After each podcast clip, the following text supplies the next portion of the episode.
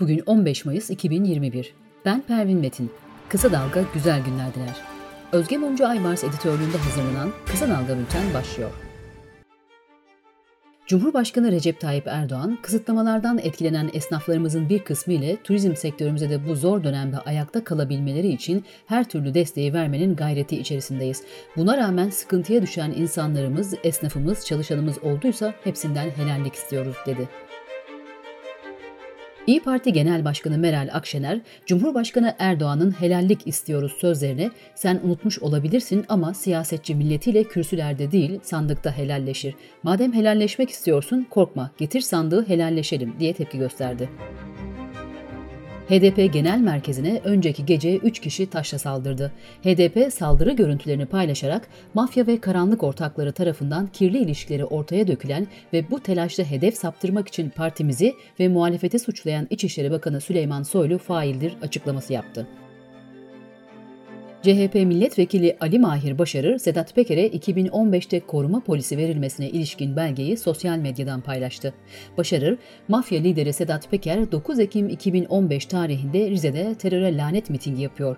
Burada oluk oluk kan akıtacağız diyor ama bu şahıs aynı yıl devlet tarafından korunuyor dedi.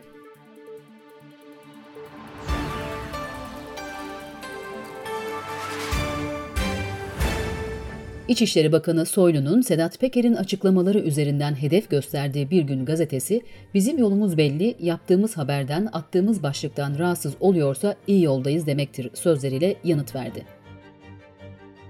Kültür ve Turizm Bakanlığı'nın güvenli turizm vurgusuyla paylaştığı videoda turizm çalışanları ben aşılandım yazılı maske takarken gösterildi. Sosyal medyadaki tepkilerin ardından video yayından kaldırıldı. Anayasa Profesörü Kemal Gözler, içki satış yasağı ve polisin görüntüsünün çekilmesini engelleyen genelgenin hukuka aykırı olduğunu belirterek, anayasamızın 13. maddesine göre bir temel hak ve hürriyet ancak kanunla sınırlanabilir dedi. Fatih'te bir kişinin bekçiler tarafından darp edildiği görüntüler sosyal medyada paylaşıldı. Fatih Kaymakamlığı, olaya müdahale eden görevli personel hakkında idari soruşturma başlatıldı açıklaması yaptı. Covid-19 haberleriyle devam ediyoruz. Cumhurbaşkanı Recep Tayyip Erdoğan, pazartesiden itibaren kontrollü normalleşme takvimimizi uygulamaya başlıyoruz. Detayları kabine toplantısının ardından milletimizle paylaşacağız dedi. Kısıtlamalar pazartesi 05'te bitecek. Kabine toplantısı bitene kadar kısıtlamanın aynı şekilde devam edip etmeyeceği soru işareti yarattı. Türk Tabipleri Birliği 2. Başkanı Doçent Doktor Ali İhsan Ökten 17 Mayıs'tan sonra yeni bir normalleşme sürecine girmek için günlük yeni vaka sayılarının binin altına inmesi gerekir. Toplumun %60-70'ini aşılamadan normalleşme sürecinden bahsedemeyiz dedi. Koronavirüs Bilim Kurulu üyesi Profesör Doktor Levent Akın 5000 vaka hedefine ulaşmanın bu ay sonunda dahi mümkün olmayacağını belirterek bir yandan gösteri, diğer yandan şampiyonluk kutlaması için sokağa gidişle 5000 rakamlara ancak Temmuz başında ineriz açıklamasını yaptı. ABD Hastalık Kontrol ve Önleme Merkezi aşıları tamamlanmış kişiler için maske takma zorunluluğunu gevşetti. Aşı olanlar birçok kapalı mekanda ve açık havada kalabalık ortamlarda maske takmak zorunda olmayacak. İngiltere'de yapılan bir araştırmaya göre Pfizer-BioNTech aşısının iki dozu arasında 12 hafta ara verilmesi yaşlılarda COVID-19'a karşı antikor oranını artırıyor. Sırada ekonomi haberleri var. CHP sözcüsü Faik Öztürk, 2007'den bu yana çiftçiye takılan borç 211 milyar TL. Her çiftçi ailesinin bu hükümetten 98 bin TL kanuni alacağı var dedi. Tarım ve Orman Bakanı Bekir Pakdemirli, bayram sonu Sayın Cumhurbaşkanımız tarafından üreticilerimizi memnun edecek seviyede TMO alım fiyatları açıklanacak dedi. The Economist, Bodrum'dan yola çıkarak tam kapanma dönemini yorumladı. Haberde ülkede yaşayanların eve kapatılıp turistlere kırmızı halı serilmesi hoş karşılanmadı denildi. Dünyanın en büyük şirketlerinin yer aldığı Forbes dergisinin Global 2000 listesi yayınlandı.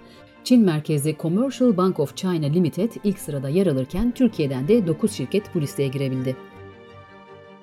ABD Adalet Bakanlığı ve Milli Gelirler Dairesi'nin kara para aklama ve vergi konuları dolayısıyla kripto para borsası Binance'ye soruşturma açtığı belirtildi.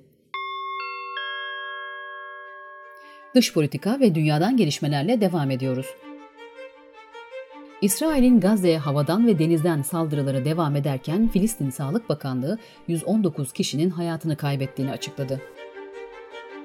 Fransa Cumhurbaşkanı Macron, Erivan yönetiminin Azerbaycan sınır ihlalinde bulunuyor açıklamasına destek vererek Azerbaycan Ermenistan sınır bölgelerinden çekilmeli dedi. ABD'nin Kansas şehrinde 3 cinayetten yanlış bir mahkumiyet kararı nedeniyle 43 yıl suçsuz yere hapis yatan Kevin Strickland özgürlüğüne kavuştu. Nobel Fizik Ödülü sahibi Alman teorik fizikçi Albert Einstein tarafından yazılan ve tarihin en ünlü denklemi E eşittir mc kare formülünü içeren mektup 400 bin dolara satışa çıkarılıyor.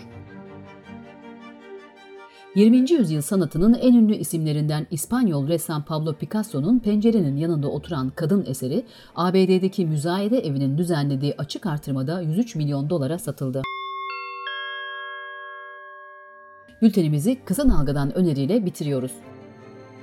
Dilek Gedik, hariciyedeki dönüşümü emekli Büyükelçi Uluç Özülker, Dışişleri Bakanlığı Sözcülüğü, Washington ve Tel Aviv Büyükelçiliği gibi kritik görevlerde bulunmuş bir isim olan Namıktan ve gazeteci Zeynep Gürcanlı ile konuştu, değişimin manzarasını ortaya koydu. Kısa Dalga.net adresimizden dinleyebilirsiniz. Kısa Dalga'nın podcastlerini Spotify, Apple, Spreaker, YouTube, Google Podcast platformlarından da dinleyebilirsiniz. Gözünüz kulağınız bizde olsun. Kısa Dalga Medya.